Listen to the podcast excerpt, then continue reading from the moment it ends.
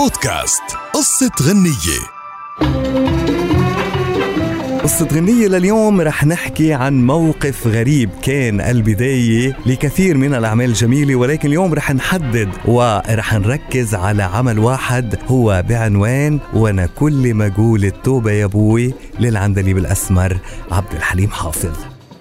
عبد الحليم اللي كان معروف بغيرته وحرصه الشديد على البقاء دايما بالقمة خليه أحيانا يقوم بأشياء غير معقولة ولا تصدق عنه.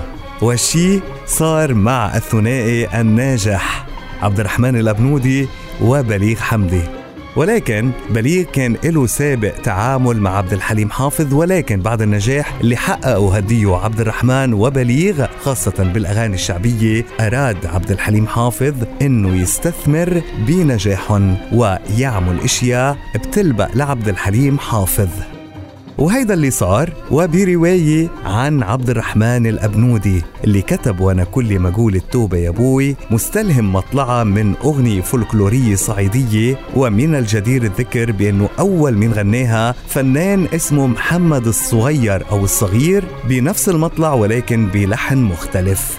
وغنتها أيضا ليلى مراد بأحد أفلامها السينمائية وكمان غنتها الطفلة فيروز بطلة فيلم ذهب بأحد أفلامها.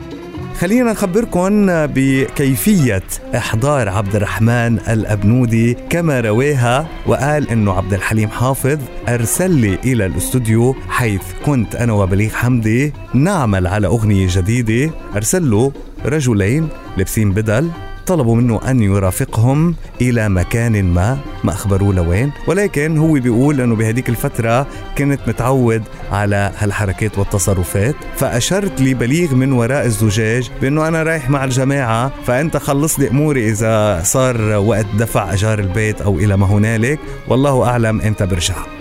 وقال الأبنودي أيضا بأنه خلال الرحلة كان متصور أنه رح يروح إلى أحد المراكز الأمنية ولكن تفاجأ بأنه وصل إلى شقة فاخرة جدا وفخمة جدا. وبعد شوي خرج أحد الخدم ليسأله شو حابب تشرب. فقال له أنا مش عايز أشرب حاجة وإذا بعبد الحليم حافظ يظهر أمامه. وحينما سئل عبد الرحمن الأبنودي شو كان ردة فعله قال إنه كنت كثير متضايق وكثير منزعج ولكن الشغل اللي اشتغلناه أرضاني وأعاد إلي الثقة بعبد الحليم حافظ. لحن هذه الأغنية بليغ حمدي بإيقاعات ونغمات أوروبية واضحة. تعلو فيها أصوات الآلات الدخيلة على الموسيقى العربية وقدم مزيج غير مألوف بين لهجة صعيدية شعبية ولحن غربي بإيقاعه وآلاته. فتراوحت ردات الفعل بوقتها بين قبول ورفض لأن خرجت عن نمط وقالب الأغاني العربية بوقتها. ولكن الجمهور سرعان ما تأقلم مع حدثتها وتبناها ورددها. وحب الناس للعندليب انتصر بالنهاية ونجحت الأغنية نجاح ساحق. أنا كل ما أقول التوبة يا أبويا ترميني. المجادير يا عيني ترميني المجادير يا عيني. وحشاني عيونه السودا يا أبويا ومدوبني الحنين يا عيني ومدوبني الحنين يا عيني. وأنا كل ما أقول التوبة يا أبوي أول تعاون مع عبد الرحمن الأبنودي ولكنه ما كان الأخير. وتلحين بليغ حمدي وهي من توزيع المبدع علي إسماعيل وأكيد من غناء العندليب الاسمر عبد الحليم حافظ.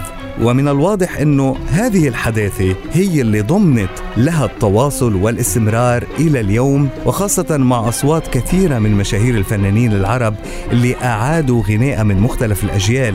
أما سر نجاحها فأكيد بالمفارقة العبقرية بين السهولة والعمق. والجدير ذكره بأنه عبد الرحمن الأبنودي أول ما سمع هذه الأغنية بعد ما وزعها على إسماعيل تبرأ منها وقال اللحن ده ما يليقش بالكلام اللي أنا كتبته. ولكن بعد نجاحها سرعان ما فهم هذه التركيبة وهذا التوزيع وتبناها عبد الرحمن الأبنودي ولا تزال إلى اليوم واحدة من أجمل ما كتب بالأغنيات الشعبية لأداها العندليب الراحل عبد الحليم حافظ.